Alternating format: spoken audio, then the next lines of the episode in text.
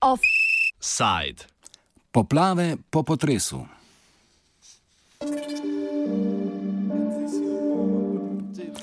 Albanski parlament je sprejel tako imenovani protiražalitveni paket zakonov o medijih. Sprememba dveh zakonov o medijih naj bi vladi po besedah premijeja Edija Rame iz vrst vladajoče socialistične stranke omogočila regulacijo džungle, ki proizvaja sovraštvo, dezinformacije in obup.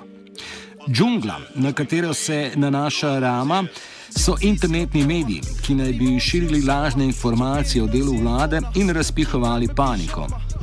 Po prepričanju Rame se je to še okrepilo med izrednimi razmerami, ki so bili razglašeni po uničujočem potresu 26. novembra. Chi la viene se proma, che de borsi a ljoska Që pirik nën si elvona Ki trap me pijoma Rime on si osoma Gjebzi si oboma Lokalne in evropske organizacije novinarjev so si noči sprejet zakon označili za nevaren napad na svobodo novinarjev. Končni različici zakonov še nista objavljeni, saj jo mora zato podpisati predsednik Albanije Ilir Meta, a jasno je, da ta podvrže regulacijo medijev vladni agenciji, ki mora še biti ustanovljena. V skladu z zakonom bo vladni svet sprejemal pritožbe tistih, ki verjamejo, da so bili z neko medijsko objavo razžaljeni. Svet medijev bo lahko mediju ukazal odstranitev vsebin in naložil kazni v višini do 15 tisoč evrov. Skurni a ljorma uh, Gjebzi si oboma Rime on si osoma Premijer Edi Rama ne skriva, da mu zakona, ki jo skuša uveljaviti že eno leto, podeljuje, podeljujejo moč za odstranitev medijskih vsebin, ki zanj pomenijo razžalitev. Svet medijev bo skratka počel to, kar običajno počnejo sodišča, le da naj bi o pritožbah razsojal v roku treh dni in ne več mesecev, kakor to delajo sodišča. Thorna dipiti Hajde uljmo vtur Hajde thorna Bistvo sprememb zakonov pojasni novinar Balkanske mreže preiskovalnega novinarstva, krajše Biren, Džirč Erebara. the law says that uh, a politician can claim that uh, a news report has, def- has uh, damaged his reputation and can request to bring that uh, news down. If you disagree with that, he can call this complaint council that uh, can order you to take it down or can uh, order you to publish on your front page a pop-up window with uh, a long uh, correction, you know. And, and if you disagree with that complaint council, then uh, you may you will be fined, and the fine should be paid before you can go in the court. And basically, if you choose to send the complaint counsel to the court, if you disagree with that, you still have to publish the correction note in your website. Or it will be uh, enforced to you by the telecommunication authority. Ločena, že obstoječa vladna agencija za medije, telekomunikacijski in poštni urad je s premembo zakonov dobil pooblastila, da bo medijev naložil objavo popravkov vsebin, ki jih je prej omenjeni medijski svet spoznal za razžalitvene. Hkrati s premembo zakonov je parlament zamenjal vodjo telekomunikacijskega urada in na to mesto imenoval bivšega strankarskega funkcionarja. Vladno pojmovanje avtonomije institucij pojasni Erebara. Their their idea of uh, independent institution is very vague. Basically, they bring a former Socialist Party MP and put it in charge for the regulation of uh, financial authority, for example. In the same time with this law, the Parliament choose a new uh, chairman for the this telecommunication authority. And the chairman is basically former advisor of Rama, Tony Frashery. The trouble is that uh, he comes directly from prime minister office to uh, so-called independent institution. Pred parlamentom so včeraj ob sprejemanju zakona protestirali albanski novinari in medijski uslužbenci, da bi opozorili na nevarnost cenzure. Demonstracijo piše Coloreto Cukali, predsednik albanskega medijskega sveta, nevladne organizacije za uveljavljanje kvalitetnega novinarstva, ki je sodelovala pri organizaciji protestov. A, a group from all the, the, the media, even journalists from the media who are close to the state, were present in that protest. Uh, we had uh, journalists from all kinds of media and from all, uh, from be it on the left or on the right, uh, being it uh, anti-government or pro-government media, all the journalists were there. We decided to do a silent protest. We tied the black uh, scarves over our uh, mouths to show that the government is trying to silence us. Kot dodatna legitimacija za spremembo zakona je služilo trenutno izredno stanje, ki je zaradi potresa v veljavi od konca novembra. Najprej je Rama, kot opiše Rebara, krivdo za paniko in strah v državi zvalil na medije. Since the country was hit by the 25th November earthquake, uh, people started to ask uh, if the government was prepared to face such calamity, if uh, the country has uh, uh, enough uh, food for, for affected persons, you know, if it has special teams to search for the survivors under the ruins that was the kind of uh, things that the, the people started to ask. And the prime minister went berserk about that and uh, went like 24 hours and 24 uh, personally in TV, uh, officially inspecting uh, affected areas, but basically showing himself off, like, uh, and blaming the media for the so-called spreading fear and two two guys ended up uh, under investigation by police for spreading fear, and uh, one 25 years old girl Facebook user actually got arrested with the charge of spreading fear through her Facebook page. And it's not just uh, illegal; it's uh, also idiotesque. You know, the country has been hit by a major earthquake and by 500 or so aftershocks. And can you imagine that uh, 500 aftershocks are enough to send people mad, you know? And yet they claim that a 25 year old girl with her Facebook page caused fear. For several days, people couldn't sleep in their home because they were aftershocks, very strong ones. People were afraid.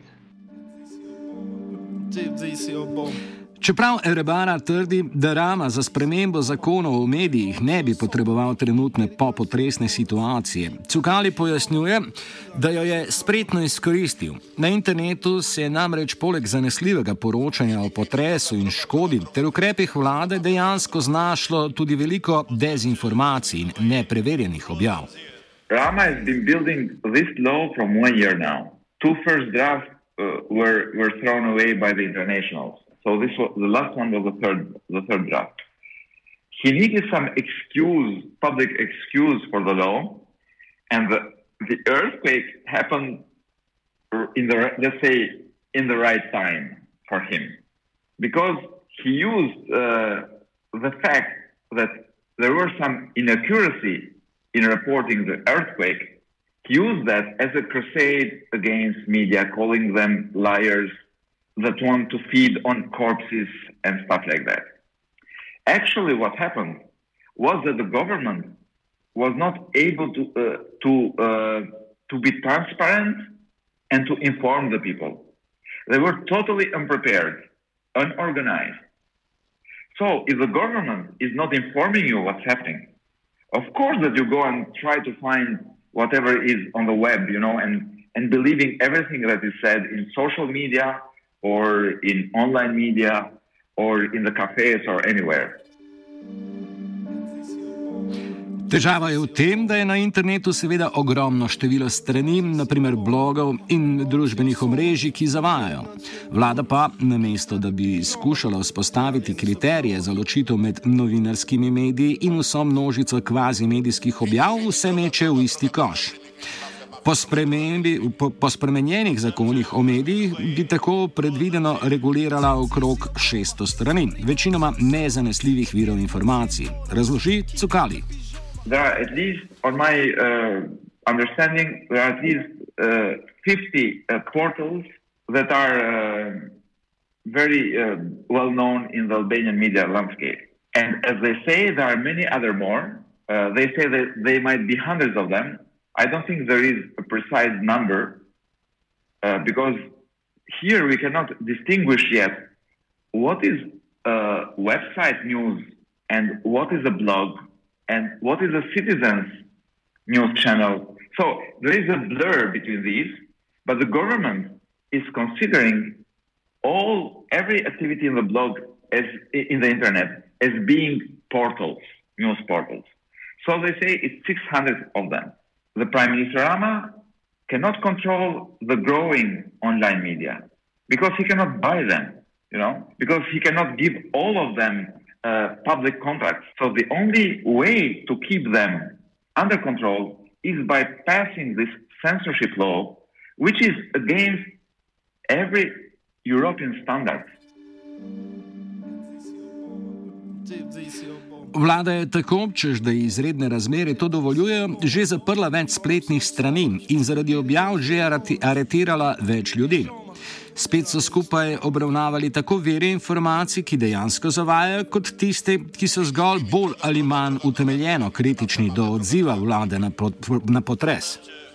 They also brought down on social media many uh, news uh, comments or opinions or articles critical of government on the pretext of the emergency.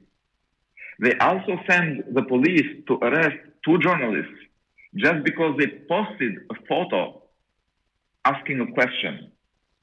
There was a photo taken in front of the Interior Ministry where there were uh, some, uh, um, how do you call it, sacks being uh, unloaded, and they looked like being uh, sacks from the from the uh, from the help that was sent to the to the to the people damaged by the earthquake.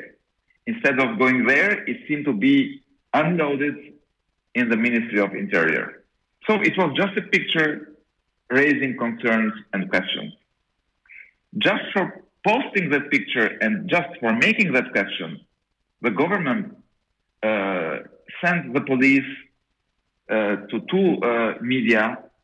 One is a streaming uh, TV, and another one is a very respectable online news website to arrest the editors. Because according to government, you should not post these pictures without verifying them. It was a test. It was a test. What will happen if this law passes? Because all these arrests were done illegally. Because the emergency law does not allow the government to take on media. V preteklosti se je Edi Rama za preganjanje medijev posluževal procesov proti razžalitvi na sodišču, a kot je zatrdil Rama sam, so ti prepočasni. Več cukali. Rama is actually winning all the cases of defamation in the court.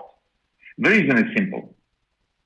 He has very much influence in the court because we are now having this uh, vetting process inside the judicial reform.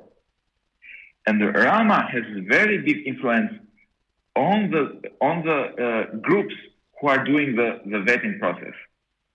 Therefore, every judge uh, has a lot of fear that if they, uh, let's say, uh, despise the, the, the prime minister, he will take them out of the system through the vetting system. So he has a lot of influence on the courts right now. So I, think I can give you only one example. There was this guy who said on television maybe one year or maybe two years ago, don't remember well the time, he went on television and he just said that this is the worst government of Albania ever. Rama called this defamation and he won the case. Actually, the judge said to this guy, who's a politician, he said to this guy that uh, uh, maybe you think this is an opinion, but you have to provide facts that this is the worst government of Albania. V Albaniji, kjer imajo štiri družine kontrolo nad skoraj 90 odstotki medijskega trga, so se, kot kaže, sredi vse poplave dezinformacij pod vladno viledo znašle ne samo dejansko lažnivi, ampak tudi svobodni novinari. Krimi, krimi, droga, droga, droga, droga, krimi, krimi, mafija, mafija, droga, droga, krimi, krimi. Offside je pripravil Martin.